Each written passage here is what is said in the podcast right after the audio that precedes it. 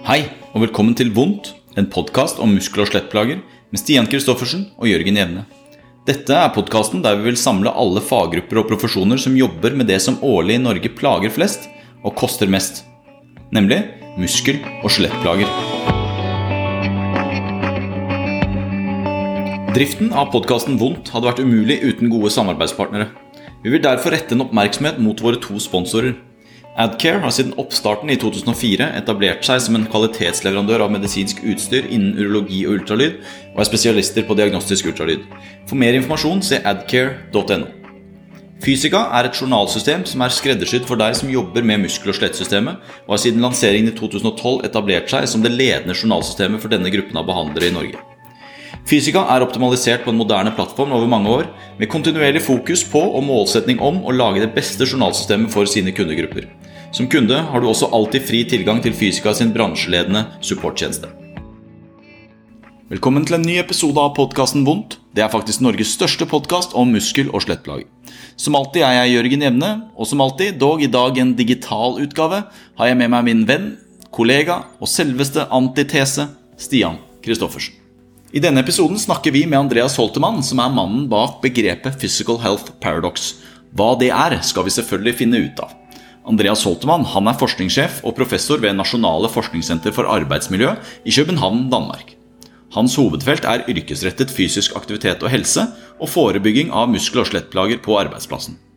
Han har vært hovedforsker på flere intervensjonsstudier på arbeidsplasser som har brukt ergonomi og fysisk trening for å fremme helse, arbeidsevne og velvære blant flere yrkesgrupper.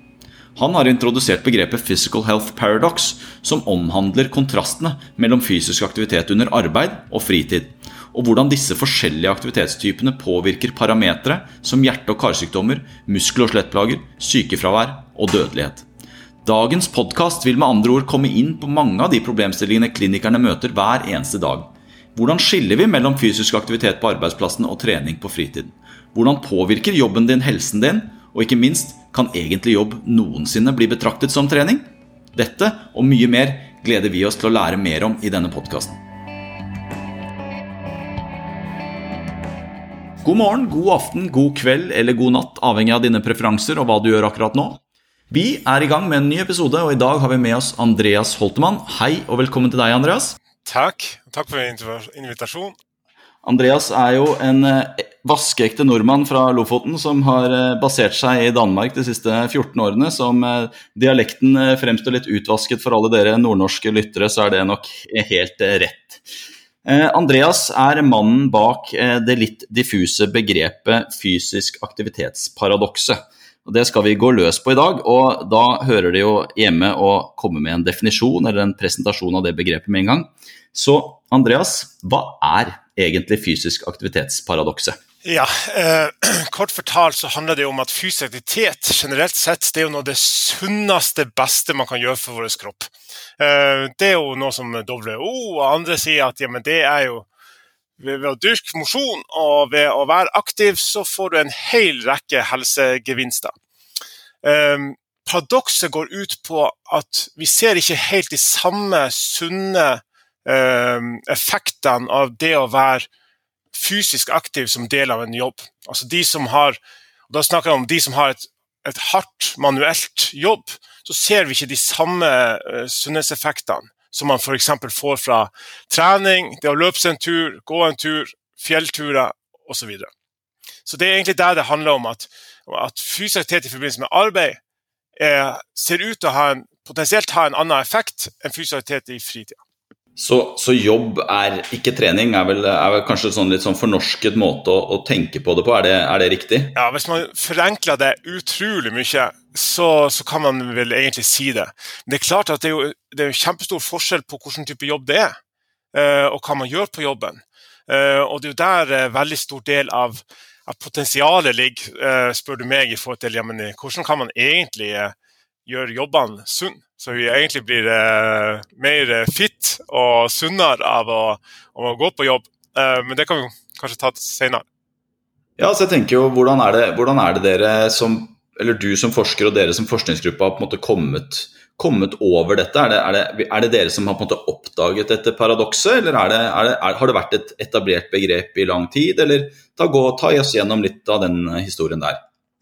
Ja, uh, ja men jeg kommer jo uh, opprinnelig fra Lofoten, men jeg har hele min utdannelse fra NTNU og Trondheim, uh, der jeg primært jobba inn mot toppidrett, Olympiatoppen, men samtidig også jobba veldig mye med muskelaktivitet og belastninger under kontorarbeid og den type ting. Altså noe, helt annet. Eh, og Så kom jeg eh, så til Danmark og Arbeidsmiljøinstituttet her, som er søsterinstituttet til STAMI, som man har, i Oslo. Og Så ble jeg satt på et prosjekt som eh, var dypt fascinerende for meg. Og Prosjektet handla egentlig om det som man på dansk kaller nedslitning. Jeg vet ikke om Man, man sier ikke det samme på norsk, men i hvert fall i, i, Danmark så er det et politisk, ikke et forskningsmessig begrep, men et politisk begrep som blir brukt utrolig mye på de jobbgruppene som er kortutdanna, manuelt arbeid, og som har problemer med muskel-skjelett, har problemer med, å, med sykefravær, har problemer med hjerte-karsykdom, og i siste ende har problemer med å stå lang tid på, på arbeidsmarkedet. Så var det her et prosjekt så, som var på, på rengjøring. Um, og det første som uh, jeg tenkte på når jeg kom inn i det prosjektet, det var jo Ja, men de er rengjøring, de, de, som gjør rent, de, de, de, burde jo være De burde jo være uh, ha et godt blodtrykk, de burde jo ha en fornuftig muskel-skjelett-helse. De burde jo egentlig ha det bra. Uh, men, men, de dataene som vi hadde til å starte med her, var jo at de var overvektige, de hadde eh, for høyt blodtrykk, de hadde en masse smerter, høyt sykefravær og en hel masse problemer. Og så tenkte jeg så i starten ja, men det skyldes jo bare at de har en usunn livsstil. Det er jo bare det det hele handler om. I det, men i dette prosjektet her så prøvde vi jo så å komme litt nærmere inn i det. Så da starta vi og det her er jo for 13-14 år siden, så da hadde vi ikke det avanserte måleutstyr som vi har nå. Men Vi bare startet med å sette enkle skrittellere på dem. For å se ja, men hvor mange skritt går man egentlig. Um, og i den første pilotstudiet som vi gjorde, det var på, uh, på sykehus, altså rengjørere som gjorde rent på sykehus. Da målte vi at de gikk 20 000 skritt per dag. 20 000. Uh, som er langt over det som er sant, de 10 000 skritt, som noen mener at det, der går en terskel. Det kan også diskuteres. Nå er det jo er det diskusjon om det går på 6000 eller 7000, men det er noe annet. Det går i hvert fall utrolig mange skritt. Og det her men, de, men, når vi målte dem, så hadde de en, en ufattelig dårlig fysisk form. På alle måter. De hadde dårlig helse, dårlig sjølrapportert eh, helse. Uh, uansett hva vi målte, så, var det, så sto det virkelig dårlig til. Og Det som var fascinerende, det var det med at i, i Københavnsområdet så er ca. 95% av de som gjør rent, de er, de er ikke fra Danmark. De er fra et annet ikke-vestlig land. Og De som gjorde rent her, det var primært damer fra, av, av, muslimsk bakgrunn, så de drakk ikke alkohol, de røykte ikke. Så de to viktige faktorene, i hvert fall, som, som uh, de kan man i hvert fall utelukke. Og Så er det selvfølgelig en, en hel del andre faktorer, som f.eks. hvor mye de spiser osv. Så kan ha innvirkning. Men, men, det var det her som, som det starta min fascinasjon av det. Men hvordan kan det være hvis vi har en gruppe her som går 20 000 skritt per dag. Og de gjør det ikke bare sånn én gang i uka, de gjør det hver bidige dag i årevis. Ja, bortsett lørdag og søndag, ja. Men, men, hvordan kan det være i all verden at de er, ikke er sunne? Um, til tross for Det kan jo være at de spiser litt usunt eller har noen andre usunne vaner, men, men likevel, de burde jo komme i rimelig god form. Um, og når vi målte det her, så var det jo det er ikke bare snakk om at de de gjør det her på en halvtime. De er jo Som regel så er de jo aktive seks-syv timer bare i arbeid. Og som regel så har de også noe, noe de gjør i fritida.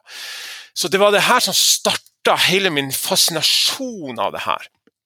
Um, og, så, um, og, så, begynte jeg å tenke på ja, men hva finnes det av, av forskning på det. Hva finnes det av, av, av, studier? Og der finnes det jo en hel rekke klassisk ergonomisk forskning som sitter på ja, hvis du har tunge løft eller hvis du har forskjellige typer type arbeid, så øker du risiko. Så den gruppa der som har de type manuelle belastninger, det har økt risiko for vondt i ryggen og sykefravær osv. Men jeg fant utrolig litt på, egentlig på hjerte-kar-delen og fitness-delen. Um, og, så, diskuterte jeg det her med en, eh, med en masse forskjellige forskere eh, her i Danmark. Det er fantastisk å komme til København. Det er så mange forskningsgrupper som er interessert i dette her emnet. Og de skal med ett godt råd start nå med et hardt utfall. Noe som ikke er noe tvil om at det er noe sjølrapporteringsfeil eller et eller annet. Start med død. OK, så gjorde jeg det. Så begynte jeg å kontakte forskjellige Eh, store kohorter og undersøkelser i, i eh, Københavnsområdet. Og Det finnes det en, eh, flere av.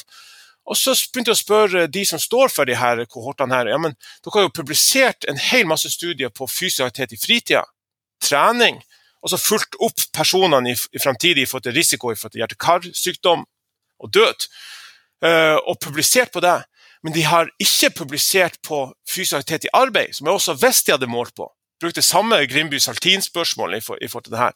Og så spurte de hvorfor, hvorfor, i all verden, hvorfor har dere ikke publisert på det? Og så var det flere av de kohortene som sa ja, men vi finner så merkelig resultat. Så vi vet ikke helt hva vi eh, Vi vet ikke helt hvordan vi skal fortolke det her, og vi vet ikke helt hvordan vi skal gjøre noe med det. Og det, det er jo forståelig. Det vet man jo godt som forsker, at det er, det er vanskelig å publisere noe som, er, som går imot det som er eller er, ja, som en eller annen måte sant, er i kontrast med det som er eksisterende bilde. Um, også, også, men de var, de var, jo utrolig uh, interessert i å gå nærmere inn i det her, så det var ikke noe, ikke noe kritikk av dem. Uh, så på den måten så starta jeg å samarbeide med dem. De som, altså de som står bak de her store kohortene. Det er sånn som Østerbro-undersøkelsen og Copenhagen Mail Study og, og flere andre uh, studier her, her, i Danmark. Og så begynte vi å, å se det her at ja, det ser ut som at fysisk aktivitet i arbeid ikke har den samme beskyttende effekt som vi konsistent ser for fysisk aktivitet i fritida. For død, og død av hjerte-karsykdom. Um, og der vi ser i, faktisk, i flere av undersøkelsene så ser vi at de faktisk har en økt risiko. Ikke bare at det har ingen gavnlig effekt, men faktisk en økt risiko. Til tross for at vi tar høyde for en hel rekke livsstilsfaktorer, eh, helsefaktorer, sosioøkonomiske faktorer. Og vi til og med har prøvd å stratifisere. altså Vi kun prøver å se på de som har, de som har f.eks. En, en kort utdannelse, og se der hvilken betydning har fysisk i arbeid. Um, så, så, det har vært en, eh, en, en, reise for meg i forhold, til, uh, i forhold til hele dette området. Men årsaken til at jeg kom på å kalle det for et paradoks, er faktisk et studie fra, fra på, ja, det, jeg tror det var publisert i starten av 80-tallet fra Oslo. The Oslo Study. Eh, eh, som, eh, som de, de, skrev i diskusjon på, på, eh, på artikkelen, så skrev de at det var eh, et paradoks at de faktisk fant at fysisk aktivitet i arbeid ikke så ut til å gi den samme eh, gavnlige effekt som fysisk aktivitet i fritida. Så det, der, det er faktisk det fra det Oslo Study, jeg tror det er fra 81, altså 81 altså, nei, tidlig. Eh, eh, som, eh, og dataene var innsamla på 70-tallet. Altså, så, det, så det, det, det, der på en måte jeg fikk ideen til det. Og så er det selvfølgelig som regel, så er jo oss mennesker vi jo, så, regel, så er det som regel sånn når det er noe som er kontrastfullt eller paradoksalt, så er det alltid noe som er lettere å på en måte få en eller annen form for interesse rundt. Så det var sånn det egentlig starta. Men mm, altså, dette, Jeg syns dette er uhyre interessant. Eh, men min sånn litt sånn eh, halvtrente akademiske hjerne, bare sånn at jeg får, får dette forstått Altså, du sier at eh, selv når man Fordi altså, jeg tenker jo på dette som at dette er litt sånn oversett, egentlig. At man har antatt at fordi du er fysisk aktiv på jobb, så får du de samme effektene. Så det er på en måte en sånn stor gruppe med mennesker som vi egentlig ikke har måte, forsket på før i, i, relativt nyere tid, kanskje, da, og fått disse svarene. Eh, men du sier at det, selv når man justerer for alle disse livsstilsfaktorene som jeg da umiddelbart tenker er involvert i den totale helsepakken, så er det fortsatt sånn at isolert sett så er det den aktiviteten på jobb kan ikke sammenlignes med den aktiviteten på fritiden. Ja, øh, og det er det det store diskusjonsemnet forskningsfaglig nå sett er. Det er øh, altså Utgangspunktet har vært årsaken til at de med manuelt jobb, som, nærmest, som veldig ofte har en kortere utdannelse, årsaken til at de har høyere risiko, er deres sosioøkonomiske bakgrunn, deres livsstil og alle de ting. Um, og så er man jo med en gang man undersøkt noe som er en høy eksponering, en høy forekomst blant den gruppa, så er vi jo alltid, uansett om det er, så lenge det ikke er et randomisert studie, så er vi alltid bekymra for at det er noen form for confounding. Sant? Og Det er utrolig vanskelig å få det her det er utrolig vanskelig å få, få, få virkelig tatt høyde for det i de fleste studier. Uh, i, uh, I det siste studiet som jeg uh, publiserte fra Danmark, det var over 100 000 personer med prospektiv oppfølging på, på hjerte-karsykdomstilfeller og på død, så finner vi en, en, en, økt risiko for de som har høyest grad av fysialitet i arbeid, i forhold til de som har stillesittende arbeid. Når vi justerer for jeg, jeg vet ikke, 20 25 faktorer som omhandler deres livsstil, deres helse, deres uh, levevis og deres uh, inntekt og utdannelse. alle typer ting. Og til og med når vi stratifiserer på det, så, så, finner vi at det er en økt risiko. Men andre studier, f.eks. det er kommet et uh, studie fra, fra gruppa i idrettshøyskolen i, i Norge, de finner noe annet. De finner at når de først undersøker sammenhengen mellom fysisk på arbeid og risiko for eh, død, eh, så finner de at hvis de ikke justerer, så finner de også en økt risiko. Men når de begynner å justere for veldig mange forskjellige andre faktorer, så, begynner, så forsvinner den for økt risiko.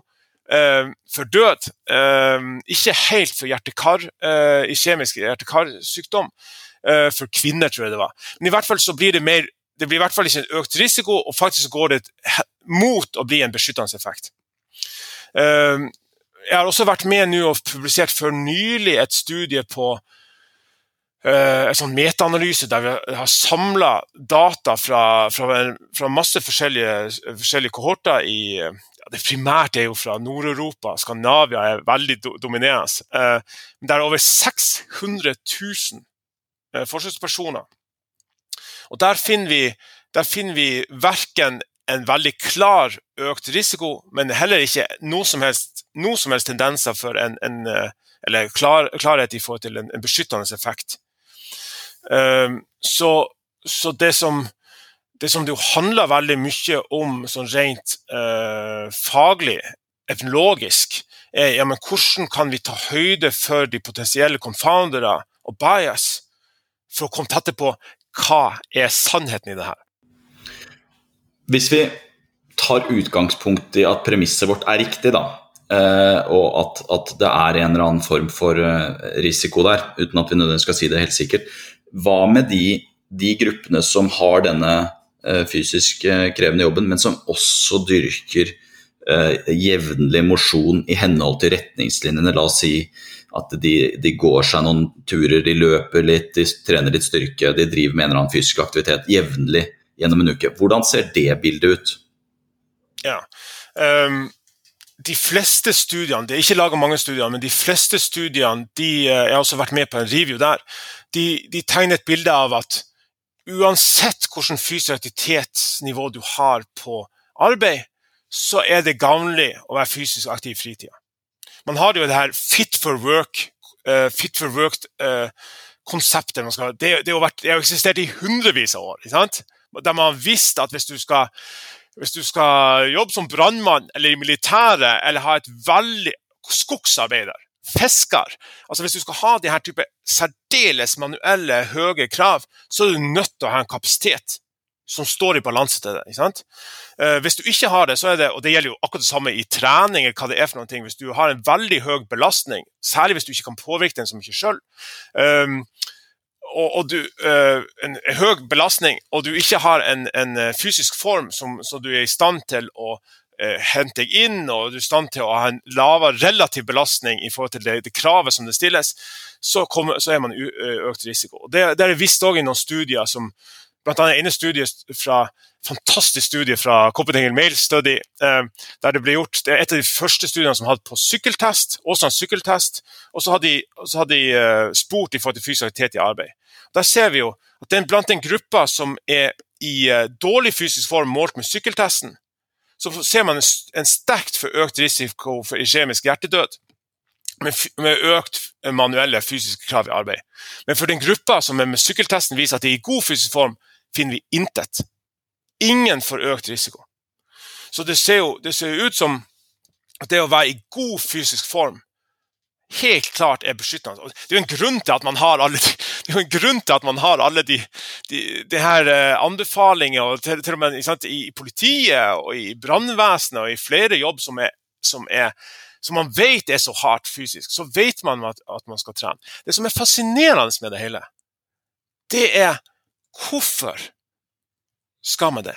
F.eks. en brannmann som, som, er såpass mye aktiv og har belastninger i, i, jobben, hvorfor skal han egentlig trene? Hvorfor får man ikke den, man ikke den kapasitetsøkning av jobben sjøl? Um, men det, det, som jeg tenker er egentlig beste, et av de beste bevisene på, som vi har i forhold til at det ser ut til å være på denne, denne måten at fysioterapi i fritid gir noe annet enn hva arbeid, det er faktisk det her samme studiet som jeg starta med på rengjøring. Så det vi gjorde der, var at vi tok de her rengjøringsstudentene som går 20 000 skritt per dag. Så satte vi dem til, til å gjøre eh, en høy intensitet aerob trening i arbeidstida. Og de trente, vi, vi, ba dem om å trene én time per uke, men de trente i gjennomsnitt jeg tror det var 35-40% nei 40 minutter. Og da fant vi jo fantastiske effekter.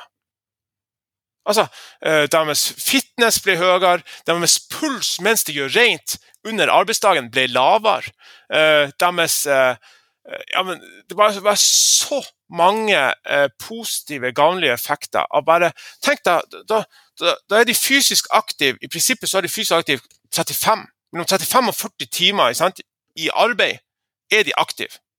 Vi legger inn 45 minutter. 35-45 minutter, og det har en kjempestor effekt. Så det sier jo bare noe om bare noe om at Man kan jo diskutere om det man gjør i, i arbeidet er skadelig eller ikke, men det ser i hvert fall ut på fysisk form og en rekke eh, hjerte-kar-parametere, men også muskel-skjelett. De, de, fikk mindre smerter av denne treninga. Så ser det ut til å ha noen helt andre effekter. Så vi ser det både fra, fra treningsstudiet og vi, og vi ser det fra epidemiologiske studier. Det er, jo, det er jo, noe av det jeg syns er kanskje mest interessant og fascinerende, er jo hvordan vi kan påvirke det her for en eh, pasientgruppe egentlig som kan være veldig vanskelig å, å hjelpe, eh, særlig innen, innen, vår tid nå, da, hvor fysisk aktivitet skal være medisinen, trening skal være medisinen. Og så, som du sier, du, du, er egentlig veldig aktiv og gjør veldig mye i 40 timer i uka, så, så, hvordan får vi det her til å fungere? Og Det håper jeg vi kommer mer tilbake til senere, men nå er vi jo på en måte inne på det nå. Da, altså Hva er forskjellene i den hva er det den treningen de gjør, gir, eh, som ikke aktivitet i jobben gir. Og Der publiserte dere vel en studie, var det 2018, i BGSM, hvor dere summerer opp eh, det her i seks punkter på egentlig å skille effekten av trening ut fra aktivitet i jobben. Kunne du tatt oss litt igjennom de? Ja, ja gjerne. Um, jeg vil bare starte med å si at Vi presenterer det som hypoteser, altså potensielle fysiologiske årsaker til at det kan være denne forskjellen, som er virkelig oppmuntrer forskere til å virkelig teste nærmere, for vi vet altfor lite om det. Um, veldig mye av det her er basert på basal treningsfysiologi. Uh, og, og, arbeidsfysiologi i, i, forhold til forståelse av ja, men, hvilken form for fysisk aktivitet er det som gir forskjellige effekter.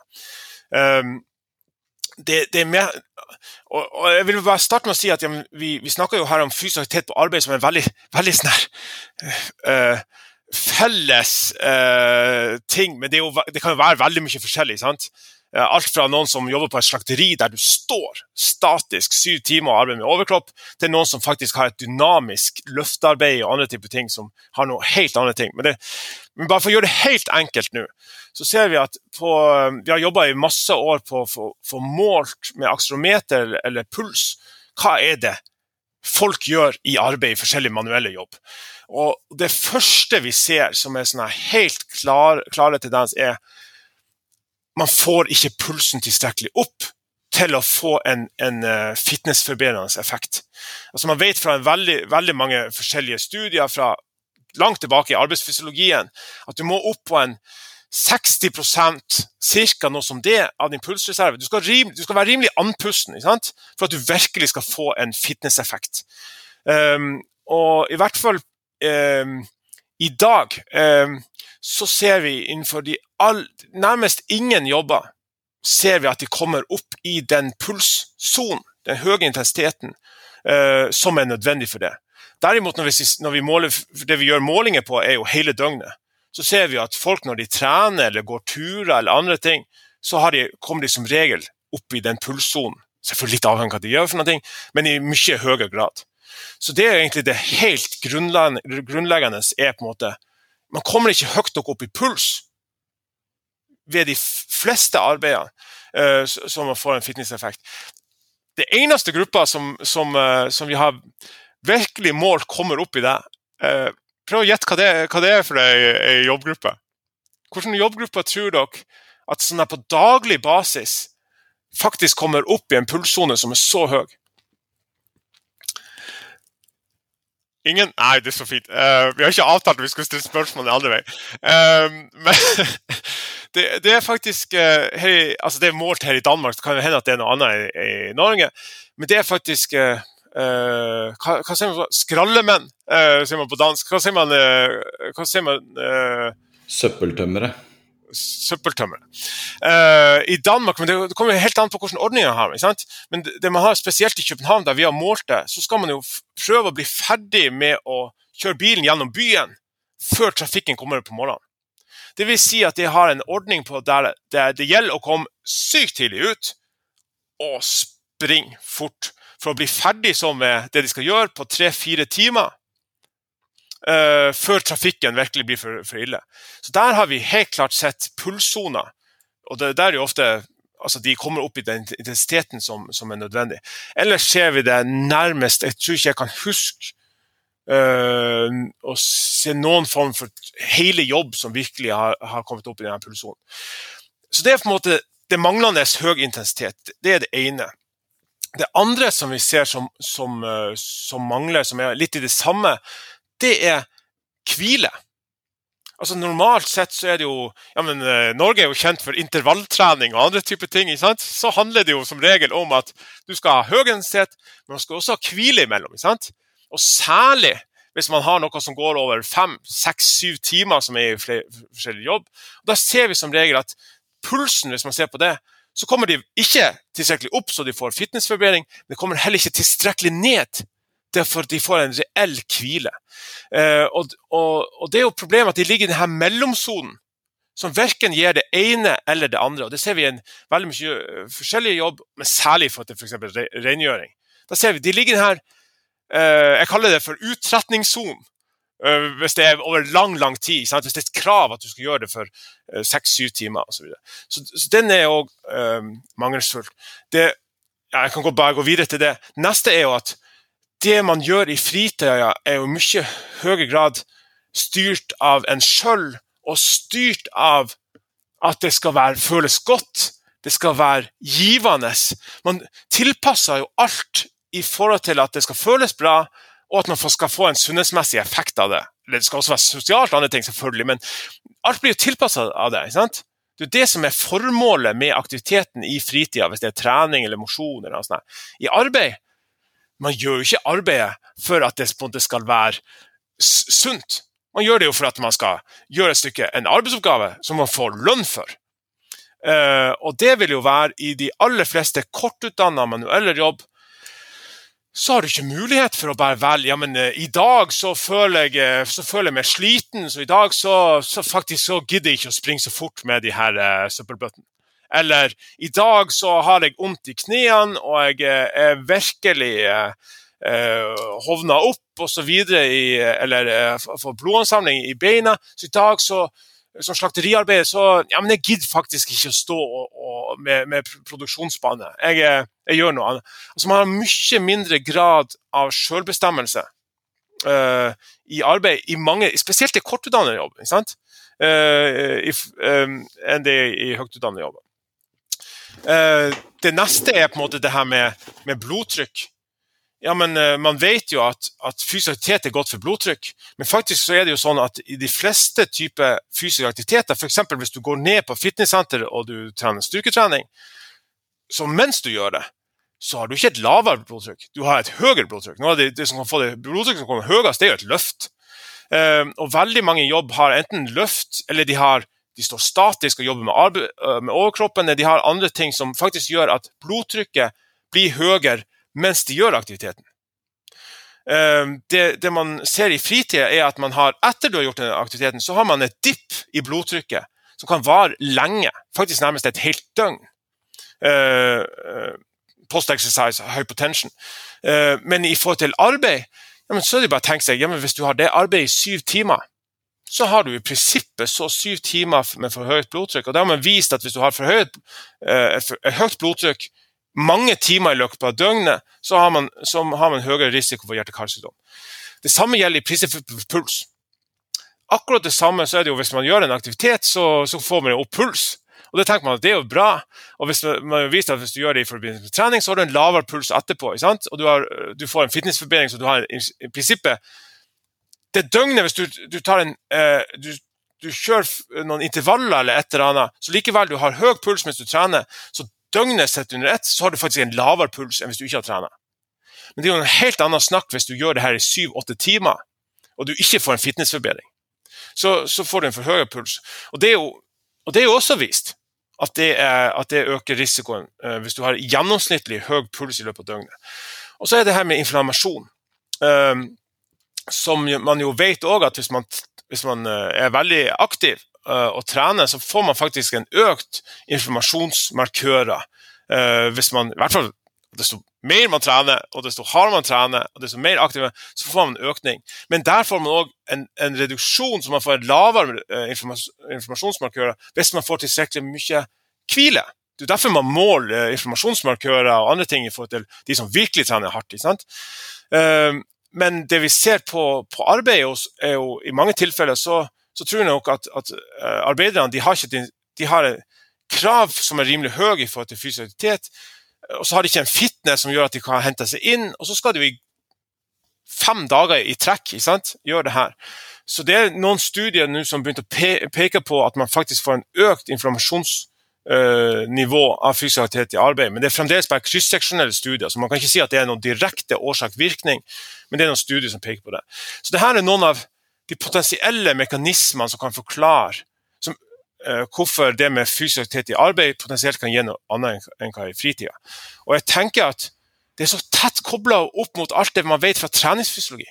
Man vet jo fra treningsfysiologi at det er ikke bare å gå på et fitnesssenter, og så spiller det ikke en rolle hva du, skal, hva du gjør for noe i forhold til hvilke effekter du har. Det gjelder jo det samme forhold til arbeid. Og det er, Jeg er helt enig der at man vet jo veldig mye om disse fysiologiske, fysiologiske premissene for trening og, og intensitet, og mye her er jo er jo treningslære. Eh, det eneste punktet av disse seks jo, altså som skiller seg ut fra fysiologien, er jo selvbestemmelse.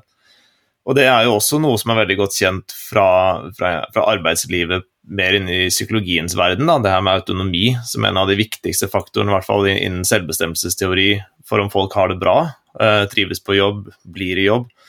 Så man ser jo på en måte både det fra, fra den treningsfysiologiske verden og ganske veletablert innen psykologien, da, inn i disse punktene, hvordan, hvordan det her påvirker negativt på den type jobb. Og jeg tror akkurat det med selvbestemmelse er jo noe vi ser mye av i, i praksis også. At uh, vi har pasienter som føler seg rimelig maktesløse i form av det å kunne påvirke sin egen hverdag, og det vet vi jo i hvert fall at uh, påvirker i negativ retning. Ja, ja så det uh så jeg tenker Det er et utrolig viktig punkt. og Vi vet jo også litt fra sportens og idrettens verden. F.eks. Tour de France. Du har ganske liten, altså selvfølgelig du kan, du kan ha selvbestemmelse om du skal ligge framme i feltet eller om du skal ligge bak. Du skal jaggu med sykkel fort mange dager. og Du kan i mindre grad bestemme det sjøl. Tror, tror, du de fleste sykkelrytterne som delte i Tour de France, tror du de er i bedre form siste dag når det kommer til Champs-Élysées enn, enn første dag når de starta? De er som regel utmatta. Informasjonsmarkørene er høye. De har, ikke sant? Um, så, så jeg, um, jeg, jeg, jeg, tror nok vi, finnes selvfølgelig mer i toppsport og sånn der det rett og slett er mer altså Det minner mer om et arbeid. sant? At det blir et krav hvor mye du skal prestere. Ser vi på fotball òg. Nå når de får to eller tre kamper per uke, så begynner det å bli noe annet. sant? Hvis du ikke rekker å restituere imellom, så vet vi jo hva som skjer. Så, så, det er jo litt av det samme. Men det som jeg syns er så utrolig viktig, det her, det som kanskje er det aller, aller viktigste, det er jo hva kan vi gjøre med det? For det er så utrolig mange av de som har manuell jobb. For det første så har de ikke viten om at det de gjør på jobben, ikke gir den sunnhetsmessige effekt som det å trene. De fleste har en opplevelse, og de har en, eh, en vit, altså, Det er jo se på i Danmark Sunnhetsstyrelsen eller WHO, så sier de all fysisk aktivitet er godt. Beveg deg desto mer, desto bedre. Det er klart, All informasjonen de får, er det du gjør på arbeid, det gir den samme helsemessige effekten som det gjør i, i fritida. Det er til medarbeiderne. Det samme leser jo arbeidsplassen. De som, er, de som er involvert i helse og sikkerhet på arbeidsplassene, leser jo det samme. ikke sant? Ja, men det, det, jo, det, jo, det burde jo være sunt. skal jo, la oss fokusere på akademikerne. Stakkars oss akademikere som, eh, som sitter på kontor, kontorstolen. Det er jo oss som er problemet, for vi stakkars, vi sitter så mye. Eh, det, det, er bare litt merkelig at vi som regel blir 90 år i gjennomsnitt, eller 100. Eh, men, men, men det er jo der fokuset har vært. ikke sant? Så, så, det så medarbeideren vet det ikke. Arbeidsplassen vet det ikke. Fagforeningen vet det som regel ikke. Sunnhetsstyrelsen vet det som regel heller dessverre ikke. De, de, følger, jo, de følger, det internasjonale WHO, som går på uh, all, all, movement counts. Uh, desto mer fysisk aktivitet, desto bedre. Um, og, så det er, jo, det er jo en viten som vi overhodet ikke får ut i denne type gruppe. Det som, uh, det som er Det neste er jo La oss nå se at vi fikk viten om det her ut til de her gruppene så ser vi jo at, at mange arbeidere de, de, er jo trøtt etter jobb. La oss nå si at du Jeg, jeg jobba på fiskemottak når jeg var, når jeg var ung, eh, som sommerjobb. Og jeg kan love deg for at jeg fikk sprunget mye mindre den måneden jeg var hjemme i Lofoten på fiskemottaket, for jeg var jo dødsens sliten. Jeg var, fit på det, på det, på det tidspunktet, men, men, eh, men, jeg var jo dødsens sliten etter å stå på det enten bare statisk stå, eh, beina var jo ødelagt, Eh, eller stå og løfte fiskekassa. Det var òg rimelig tungt. Så det er klart at, at det, hvis du har denne type jobb, så er man jo også sliten. Så det er jo klart, det er jo, det er jo både vanskeligere både å kjøre forbi McDonald's, tenker jeg, um, og det er vanskeligere å komme seg ut på trening. Og kroppen skriker jo etter én ting hvile. Den skriker jo ikke etter trening. Så det, det, er jo virkelig en barriere. Så det som, det som vi har gjort i mange år, er Eh, og kommet veldig, veldig langt i Danmark, eh, det er kan vi få trening, tilpassa trening i forhold til den jobben som medarbeiderne har, i arbeidstida, eh, betalt. Så f.eks. den, den i hvert fall kommunale, offentlige arbeidsplass som som jeg synes har gjort et fantastisk arbeid på, det er Københavns kommune. Der har de Eh, gjennom mange år så har de jo hatt fokus på at de som jobber i, i, eh, på sykehjem, eh, både og hjemmetjenesten, at, at man har prøvd å, å gjøre alt. De skal få all mulig slags løfteutstyr og ergonomi og viten om det her og alt det her ting. Det har ikke vist noe som helst effekt, eh, som vi kan se på våre tall i forhold til smerter. Det er heller, motsatte enn, det her. Og medarbeiderne har en hel rekke eh, helseproblemer på gjennomsnitt med overvekt, smerter, trøtthet, sykefravær osv. Og, og der sa faktisk, der faktisk fagforeningen fagforeningen og arbeidsgiverne blitt enige om i Københavns kommune at vi er nødt til å gjøre noe mer for at, vi skal, for at de her medarbeiderne skal ha det godt på arbeid og de kunne ha en helse til å kunne jobbe, jobbe lenge. Så de har faktisk lagt inn trening, tilpassa trening, styrketrening i dette tilfellet, tilpassa trening i arbeidstida obligatorisk. Så det har de kjørt ut på jeg tror det er 3000-4000 ja, arbeidere på sykehjem og i pleiesektoren i forhold, til, i forhold, til, å prøve å få det inn. Og det her har de kjørt nå i flere år. Jeg vet de hadde noen problemer nå med implementering i, under koronaperioden, men ellers har de kjørt i flere år. Og der det har gått fra, Generelt sett har det gått fra litt sånn skepsis i starten med at ja, men eh, tilbyr man nå, og særlig obligatorisk trening Det er noen som ikke er vant til å trene og kanskje ikke syns om det. Tilbyr man det her nå for at, for at, liksom, at, man ikke skal ha så mye fokus på arbeidsmiljø, men eh, at man heller tilbyr det her, til at det har vært det blitt, altså, det har vært så, så mye, mye oppbakning til det hele, og, og også det har lyktes å gjøre det til noe sosialt. Trene sammen og alle de tingene. Men det det, det, er det egentlig det som vi har, har jobba med i en lang lang årrekke, og vist at trening på arbeidsplassen det kan redusere smerter, det kan uh, forbedre sunnheten, helse, uh, helse, og det har vi visst på de som jobber i, på sykehjem, uh, det er i rengjøring, det er på industri, det er på slakteri. Til og med på slakterier har vi vist det her. Eh, så vi har vist at det med trening kan faktisk redusere smerter. Det som er utfordringen likevel, det er at ja, som regel så koster det jo penger for, for arbeidsplassen, og veldig mange eh, medarbeidere, ansatte, de, de, ser det jo ikke som en del av deres kjerneoppgave. De kommer jo i prinsippet på jobb for å gjøre sin arbeidsoppgave, ikke for å trene. ikke sant? Um, så, så, så, vi kan se at i veldig mange typer jobb der de har de største utfordringene Ikke, ikke akademikerjobb, sånn som oss. Vi får som regel eh alle de som, for eksempel, Vi ser utrolig mange her i Danmark de som jobber med IT. Eksempel. De får jo tilbudt det ene og det andre trening i arbeidstida osv. Og, de gjør det. ikke sant? Og det er jo supert. Det er jo kjempebra. Men vi kan se innenfor, uh, innenfor veldig mange av de andre jobbene så, så, er det vanskelig å få det implementert. Og uansett hvor mye vi forteller til arbeiderne, så de får det ikke gjort i, i fritida. De er jo trøtte og sliten og har vanskelig med å forstå hvorfor de skal gjøre det når de har vært aktive hele, hele, hele dagen i arbeidet. Så det som vi har arbeidet med nå, det er kanskje en naiv, crazy uh, vers, uh, visjon, men det er når vi vet så mye om treningsfysiologi, vi vet så mye om arbeidsfysiologi, kunne vi ikke prøve å få tilrettelagt og planlagt arbeidet så rengjøreassistenten eller pedagogen eller hvem det nå er for noe, faktisk blir sunnere av det de gjør på jobb. Så det som er min ambisjon nå, og det som vi arbeider intenst med nå, det er å, ja, hvordan kan vi få planlagt, organisert arbeidsoppgavene, så faktisk de som har manuelt jobb, faktisk blir sunnere og i bedre fysisk form av å gjøre det. Så de ikke trenger, trenger å trene. Så de faktisk får det, den gamle effekten ut av det.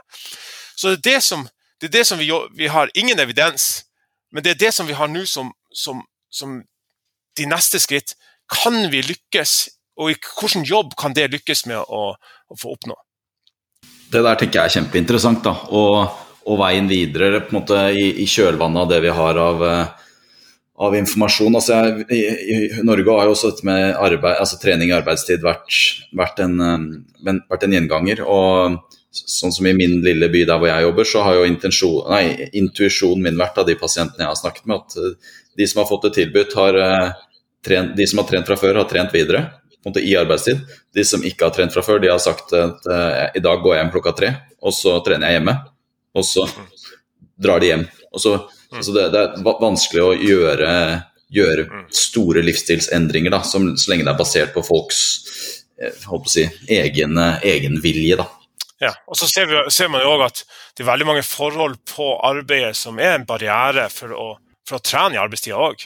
Hvis du har det sykt travelt, så er det ganske vanskelig å gå fra en pasient og si at nei, eh, vi får ikke, gjort, eh, vi får ikke gitt deg en eh, høy kvalitets pleie til, til, deg i dag, for jeg skal gå og trene. Den, den, er jo ikke så lett. Så det er klart at det er jo veldig mange barrierer som er det, men så er det jo også selvfølgelig at man er sliten og trøtt og alle de her type tingene. Og at det er mer naturlig for oss som sitter her, sitter her på kontoret, så er det mer naturlig å føle for Ja, men jeg føler jo for, for å trene, selvfølgelig. Det er jo det, med, det, det kroppen min forteller meg, at nå har du jaggu meg sittet lenge nok, du har behov for å trene. Men de som f.eks. står på industrien, der vi har målt noen de statisk stående fem og en halv til seks timer Det er ikke sånn de får jo ingen, ingen sunnhetsmessig fordel av, av de, så mange timer med, med, å stå. Men kroppen forteller jo ikke til dem ja, vi burde trene noe mer. Det er bare sliten. Så Det er klart at det, er alle de her barrierene som ikke er, ene og alene på individet, men som er på hvilken type jobb har du. Som, som, vi ikke har tatt tilstrekkelig mye høyde for. Jeg sto på hundekurs i går kveld i to timer på kvelden og verka i hele kroppen. for den sosiale angsten min kicka så hardt inn at jeg turte ikke å gå og sette meg på benkene der det satt masse folk.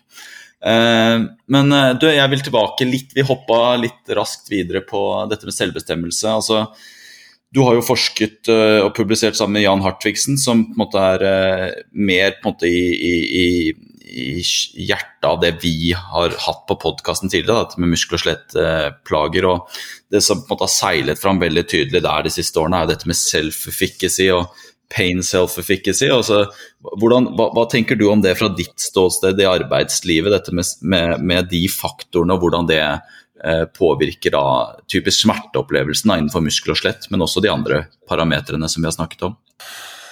Det her vil ta tid. det her er et stort, stort emne. Uh, ja, men jeg, jeg tenker uh, Det har jo vært behov for virkelig en revolusjon innenfor hele smerteområdet, som jeg tenker egentlig er, i ferd med, med å sette seg, men vi har ennå utrolig lang vei å gå også i Danmark. Um, uh, altså der, der, man jo i uh, altså hvis, vi tar litt fra min, fra, min, fra min, stol, så er det jo sånn at ja, men, tradisjonelt nå så har man jo arbeidet med at ja, men, fysisk aktivitet i forbindelse med arbeid det er farlig. Så for at man skal unngå smerter, så må, bør man aller helst eh, løfte mindre tungt, få mer hjelpemidler, all den type ting, og få redusert alt mulig. Så det beste er egentlig å til og med ikke sitte. Det beste er kanskje bare å ligge i løpet av, i løpet av dagen. ikke sant? Uh, og det er klart at det her er jo kommet en helt ny type forståelse på, i forhold til smerte. og at eh, men det er også grunnleggende. så Jeg regner med dere hadde om det i forskjellige podkaster. Hva er smerte for noe, hvor kommer det fra? Det er sjelden en ren, ren fysiologisk eh, mekanisme og alle, alle de her typer tingene. Men det som jeg, jeg, jeg synes er veldig viktig for en arbeidssammenheng, det er jo at ja, men, uh, det vi vet, er jo at en utdannelseskomponent er viktig. sant? Og at man ikke skal være bekymra for fysisk aktivitet og, og, alle, alle de type tingene. Den type kognitive delen er veldig viktig å jobbe med. sant? Men det som man forteller om da som regel, det er jo det er jo fysisk aktivitet som at det foregår frivillig. Som at det foregår som trening eller aktivitet eller mosjon. Men hva skal man si til de som f.eks. jobber i hjemmetjenesten?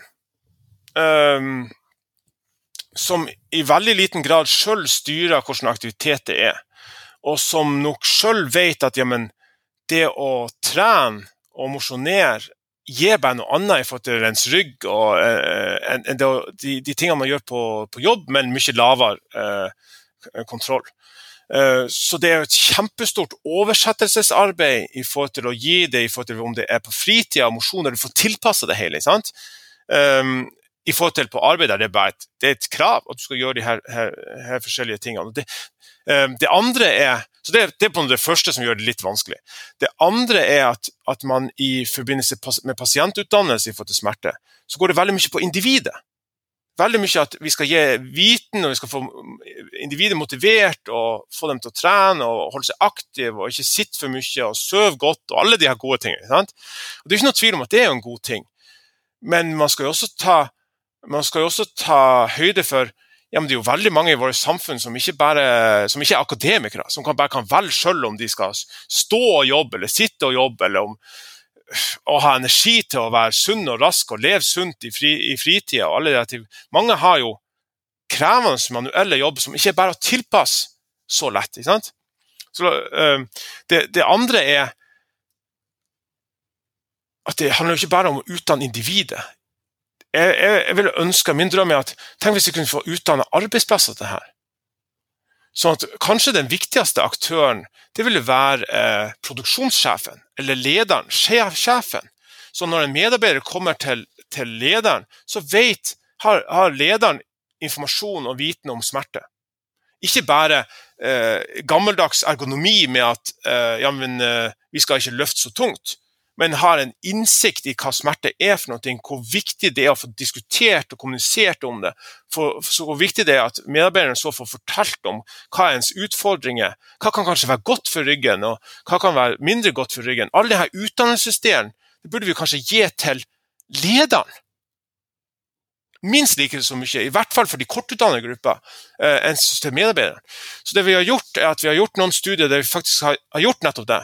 Der vi har gjort i, eh, på, på syke, sykehjem har, har, kjørt helt korte workshop og utdannes, eh, utdanne om smerte klassisk eh, smertekognitiv eh, utdannelse, pluss en, en tvist i forhold til arbeid. Så, sånn at man prøver å få satt det i en arbeidskontekst. Så har vi gitt den informasjonen både til arbeideren og til lederen. Og så har de gjort så Jeg tror det var ti minutter eh, De skulle ha et dialogmøte. Eh, det er lenge siden vi gjorde studiet. Hver tredje uke, hver fjerde uke, noe som det. Og da, da, Det vi fant, så var jo faktisk at, at uh, medarbeiderne rapporterte mindre smerte og, og, og, fikk en bedre altså, De opplevde jo også at det var mye bedre og konstruktivt å ha en dialog så med lederen. Lederen blir utdannet i smerte og hva det er for noen ting. Uh, og de kan bedre da ha en konstruktiv dialog om det, uh, istedenfor at det bare skal være et problem som lederen uh, vet, enten bare sier ja, men du ikke kom på jobb, meld deg syk, eller at ja, det handler kun om at du skal ha det her hjelpemiddel. Uh, punktum. Um, så, så, jeg tenker så så jeg tenker at vi, vi, burde begynne å tenke mye mer sammen. Eh, både, både i forebyggelse, men også når, når, når, eh, det er gått så langt at man blir pasient. Tenk sammen. ja, men Hvordan kan man ikke ene og alene få, få arbeideren til å, til å, leve bedre i fritida, og sove bedre og spise bedre, og alle disse typer ting som er viktige, og tenke eh, riktig i forhold konstruktivt og positivt i forhold til smerte, men også i forhold til arbeid. Så eh, det er en annen ting som vi, som vi jobber, jobber, med, men vi mangler jo fullstendig på arbeidsplasser den type tilgang. Så jeg har eh, for nylig skrevet et kapittel, det er på dansk, men det tror jeg sakten dere skal lese, uh, for eksempel, så, som, der vi prøver å ha det her Hvordan får vi det her ut, ut på arbeid, så, så, så fysioterapeuten, kiropraktoren, legen når de snakker med, med, med, med, arbeidstakeren, at man får den samme informasjonen som man får på arbeidsplassen. Og at det ikke kun ene alene handler om uh, be active. Ikke sett for mye ned. Akkurat det tror jeg er veldig viktig. Jeg tror jeg mange klinikere også kjenner seg igjen. Altså, du kan ha arbeidere i eh, samme type yrke eller samme type bransje, men i forskjellige firmaer. Eh, og hvor stor forskjell det er på de, på de, som vi da har som pasienter, som har en, en sjef og en ledelse som, som anerkjenner problemet og som, som, bidrar til å tilpasse. Hvor mye bedre de håndterer den situasjonen de er i. Eh, og motsatsen, da, sånn som en av mine pasienter eh, denne uka, som jobber med, med, anleggsarbeid og vibrasjonsverktøy. Um, kjempevondt i, i, armene. Står med vibrasjonsverktøy i åtte timer. Og han kan gjøre all annen jobb bortsett fra vibrasjonsverktøy. Og det eneste han får beskjed om fra arbeidsgiver, er at hvis han ikke kan gjøre vibrasjonsverktøy, så må han uh, sykemelde seg. Så istedenfor det å, å, bli brukt som en ressurs på 80-90% av arbeidsoppgavene på, en, eh, på, et, eh, på et, anlegg, da, på en jobb, så, så, blir du heller sykeliggjort i så stor grad pga. de siste 10-20% du ikke kan gjøre. Og det er klart at Den maktesløsheten du da står, står overfor, gjør jo definitivt ikke en smerteproblematikk noe bedre. Og, og her, Det er jo bare enormt potensial sant? Uh, i forhold til forbedringer. Særlig tenker jeg, for eksempel, Vi har et annet prosjekt nå der vi faktisk prøver det her ut på en industriarbeidsplass. Men en av de viktigste tingene det er at, at uh, arbeiderne kan forskjellige arbeidsoppgaver. Så man kan veksle på hvilke arbeidsoppgaver gjør. Eller hvis man begynner å få det er så individuelt. ikke sant? Eller hvis man begynner å merke at man, man får vondt i ryggen av å stå mye. Så får man mer, noen andre, andre oppgaver, men det vil jo kreve at man kan litt forskjellige ting. ikke sant? Um, så, så det, er jo, um, det, er jo, sånn vi arbeider med på det. Og så er det jo hele det her uh, altså Den tilgangen som jeg har til det, det handler om balanse i livet. Det, det er klart at, at, uh, at uh, hvis du har hvis, Ta slakteriarbeideren. ikke sant? Står og så har du overkroppsarbeidet. Det er klart at For at man skal snakke om smerte på en måte som er meningsfull for den personens liv, så kan man ikke bare si ja, du skal sitte minst mulig ned. Det er jo akkurat samme som i treningsfysiologi. Sant? Hvis du har en, en, viss form for belastning over lang tid som du ikke kan endre så mye på, så må du finne ut ja, men hvordan kan man få en balanse i det. Hvilken form for restitusjon vil være det beste? Og det vi ofte ser, jo, er jo eksempel at mange som har, har manuelt jobb, de sover altfor lite. Og de har altfor liten informasjon i forhold til å vite ja, men det er jo noe av det viktigste i forhold til restitusjon osv. fra det manuelle arbeidet. Så, så, det er jo det er jo, det er jo snakk om å, det, Du snakker også, også at forskerne er nødt til å begynne å, å frembringe viten og evidens for hvordan vi skal gjøre det her for, i arbeid og arbeidstakere, og hvordan klinikere og folk på arbeidsplassene kan begynne å samarbeide på det her, samarbeide på en helt annen måte enn hva vi har gjort i dag, der det egentlig bare er snakk om når skal du sykemelde eller ikke, eller, uh, eller uh, du skal bare ha informasjon om at uh, arbeid er ikke farlig, så du fortsetter bare. ikke sant? vi har behov for å gjøre det så og øke kvaliteten så utrolig mye der, og det tipper jeg gjelder i hele Skandinavia. Ja, det er jo dette som er litt sånn paradoksalt med den diskusjonen som foregår i dag, da, kanskje spesielt i sosiale medier, hvor det er veldig enkelt å polarisere og prøve å sette to streker under svaret. Det er liksom Den pillen fungerer ikke. Den intervensjonen fungerer ikke.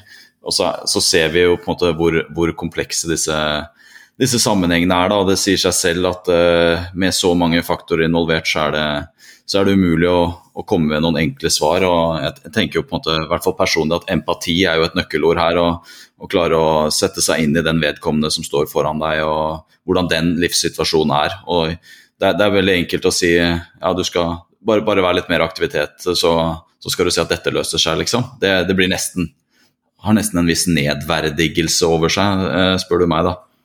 Ja, og det er, jo, det er, jo, en annen ting som vi jo ser er dypt problematisk i forhold til vår forskningsbaserte viten, er jo hvem er det som regel som deltar i de her store kohortene?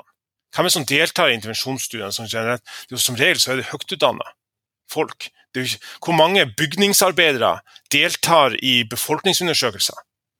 Det er utrolig lavt. Så i prinsippet så har vi jo veldig veldig liten viten på den type studier. Også kliniske studier på kognitiv atferdsrådgivning og den type, eh, den type, ting som Det er jo sjelden, er sjelden man har fatt i denne gruppa, som jo har de største problemene med smerte og, og, det å ha et funksjonsnivå til å kunne klare jobben. Um, så uh, Men det som, det som, jeg tenker som er viktig å jobbe videre med, det er jo når man vet det er såpass komplekst, men så er vi nødt til å få jobbe med tilgangen. Og få evidensbasert tilgangen til det. ikke sant? Så, så, uh, så, det, så man, fordi at Hvis vi ikke kan gi den samme grønne pille til alle, så, vi, så er det nok tilgangen til det, så vi kan gi den riktige pille til alle sammen som, som er viktig. Og, og, men det er jo det som er, det er, det som er vanskelig tenker jeg, i en arbeidssituasjon. Uh, der har man jo kommet uh, lenger, i hvert fall i klinisk sammenheng på mange måter. Der man har standardisert mer hvordan utdannelsesforløp skal være osv. Men det er, det er, jo, så tar man jo i mindre grad inn alle de forskjellene som er f.eks. For i, i forhold til arbeid. Akkurat det her med hvem man forsker på, er jo et uh, kjempeviktig tema. Vi snakket med, med Britt Elin Øyestad i, i, fjor i forhold til forskning på, på artrose. Um, og som hun sa, det er jo altså, kanskje den hardest ramma gruppa i, i Oslo. Uh, vet vi egentlig ingenting om. For vi får dem ikke med i, i studiene. Vi får dem altså på grunn av språkforståelse, helseforståelse, eh, mulighet til å være med i kliniske studier. Så, så de gruppene vi kanskje ønsker å hjelpe i størst mulig grad, vet vi jo veldig lite om. Og det er jo de vi ofte sitter med som pasienter. Da. Så der tenker jeg jo at det, det har kanskje to, to retninger, vi, det vi snakker om nå. Altså det ene er jo å gjøre forskningen mer inn eh, mot de arbeiderne og de gruppene som vi faktisk ser, sånn som dere har begynt å jobbe med. Og så er det jo det for oss som klinikere da, å anvende den kunnskapen vi allerede har gjennom det arbeidet som har blitt gjort, eh, og så i hvert fall starte på et individnivå. Da. Og der opplever jeg i hvert fall at det her fysisk aktivitet-paradokset som utdanningsmiddel i sånne én-til-én-situasjoner er ekstremt verdifullt. Det å kunne forklare hvorfor den aktiviteten de gjør på jobb, faktisk ikke er trening, og så begynne å utforske hvilket mulighetsrom som ligger der og faktisk også kunne si hvor lite som skal til, og hvor i anførselstegn enkelt det kan være å implementere det på daglig basis. da. Og si altså, hvis, hvis du gjør dette, så, så, vet vi egentlig ganske mye om at du får redusert smertene dine, og du får bedret helsen din, og så har man i hvert fall en inngang til det da, gjennom den utdannings, uh, utdanningsmodellen. Så det, der syns jeg jo at som fysisk aktivitet-paradoks som et sånn forskningsbegrep er ekstremt bra å dra inn i en klinisk setting. Og det er vel kanskje ofte det vi mangler, da, den praktiske implikasjonen av forskning. Men så her anbefaler jeg i hvert fall folk som jobber innen muskel- og skjeletthelse, å sette seg inn i den, det, det fantastiske stykket arbeidet dere har gjort, da, tross alt, over de siste 15 årene. Ja, takk. Så tenker jeg det kommer flere og flere uh, redskaper vi også skal begynne å, å, å bruke. Altså for eksempel, Nå arbeider vi med billige aksjometer med, med, automatiske analyser som så kan gi feedback til både en kliniker og til, til en pasient. Som kan være med til å understøtte, underbygge utdannelsen. ikke sant? For Som regel så er det jo vanskelig for dem å, å virkelig kan forstå i forhold til ja, men, hvordan aktiviteter og atferd gjør de i løpet av dagen. Hva ligger fast som ikke kan, i prinsippet kan endres? Men hvordan kan man så tilpasse de ting som kan endres, så de skaper den gode balansen i løpet av dagen? Så, så, jeg håper jo virkelig at vi kan få utvikla flere former for redskap, både til den type utdannelse um, av, av, pasient eller um, ansatt, men samtidig så er min drøm å få kan vi gi det til arbeidsplassen, så vi også kan utdanne arbeidsplassene. Bare, vi, det som er min drøm, er at vi skal stoppe å jobbe i de her siloene. Så, så klinikere ikke er som jobber tett sammen med arbeidsplassene. Så det er det som, det er det som vil være med, ja, vi, vi, jobber sammen, men da er det jo snakk om sykefravær eller tilbake til jobb eller denne type ting, men ikke faglig i forhold til muskel-skjelett. Og det, det, det, savner jeg virkelig, og der tenker jeg vi, vi har et enormt potensial til å, å, å hente. Vi har snakka litt om det nå de siste par episodene, tror jeg. altså dette med med at vi har jo et fagfelt som er uhyre fokusert rundt dette med å behandle tilstander eh, på individnivå når de først har satt seg.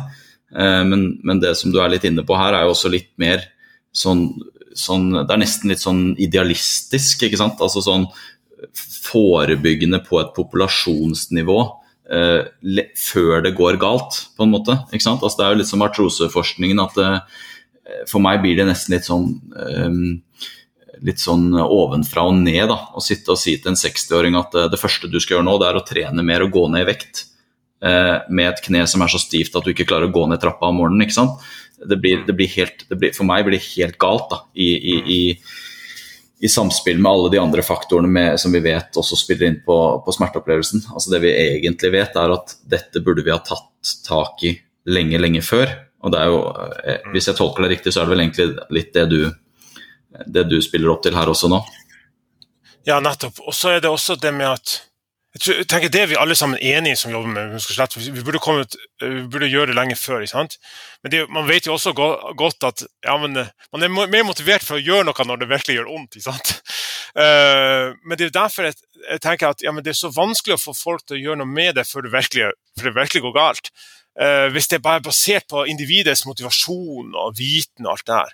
Så er derfor jeg bare hadde håpet på at ja, kunne vi få denne viten til arbeidsplassene.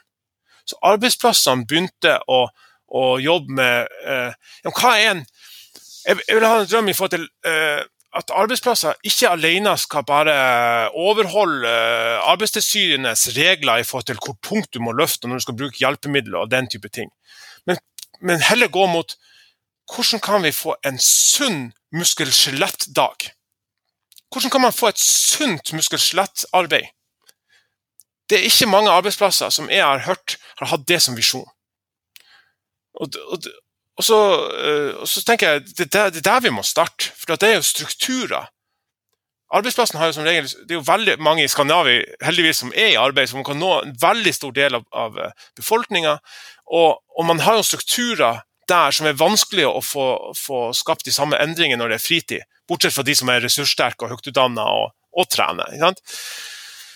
Uh, så det, uh, det, det, er visjonært. Uh, kanskje nærmest mer religiøst enn det er, enn det er forskningsmessig, men jeg tenkte det, det, den veien i hvert fall jeg tenker vi bør gå for å få Særlig for å få forebygd bedre muskel-skjelett blant kortutdannede grupper. Nå, ehm, nå, sitter jo ikke lytterne våre og ser på det samme opptaket som oss. så det er jo det å sitte og se Andreas nede i Danmark og sitte og sitre av, av motivasjon, det er, det er, inspirerende. Det er morsomt å se forskere som er så engasjerte i, i å drive faget videre. Ehm, jeg tenker vi skal begynne å avrunde litt, men i og med at du er fra Lofoten, så lurte jeg litt på om du har sett det programmet 'Norges tøffeste'. Du har kanskje ikke noen kontakt eh, hjemover lenger? Nei. Eh, det er jo en eh, fisker som heter Isak Dreyer som vant, vant det programmet i fjor, da.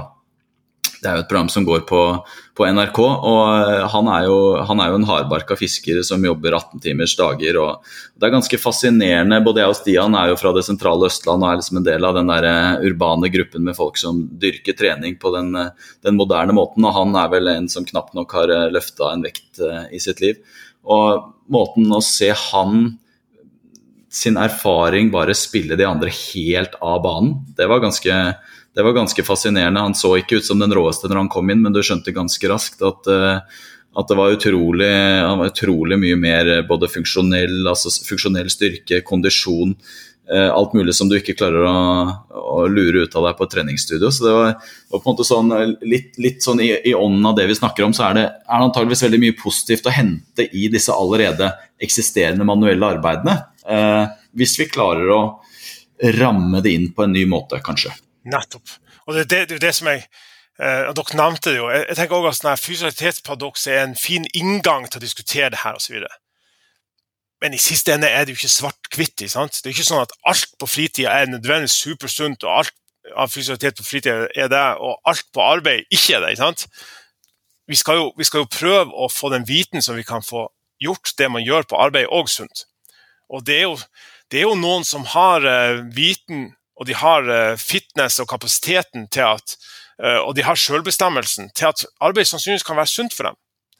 Eh, vi skal bare vi skal bare dyrke det så mye mer, så det kan gjelde for store populasjoner, og ikke bare enkelt, enkeltindivider. Og med det så tror jeg faktisk at vi ikke skal stjele mer av tiden din, Andreas. Det her jeg eh, tror jeg har vært eh, nesten den raskeste podkast-timen jeg har vært med på. Det er et uh, vanvittig fascinerende og interessant tema. Veldig viktig, og som Jørgen sier, ikke minst fantastisk egentlig å se en så engasjert nordlending sitte i København og, riste bak en dataskjerm når han får lov til å snakke om det. Det er, Jeg tror vi trenger flere forskere som, som dette. Så Andreas, tusen takk for all all jobben du har gjort og gjør, og for at vi fikk eh, prate med deg denne timen. Sjøl takk. Det var en fornøyelse.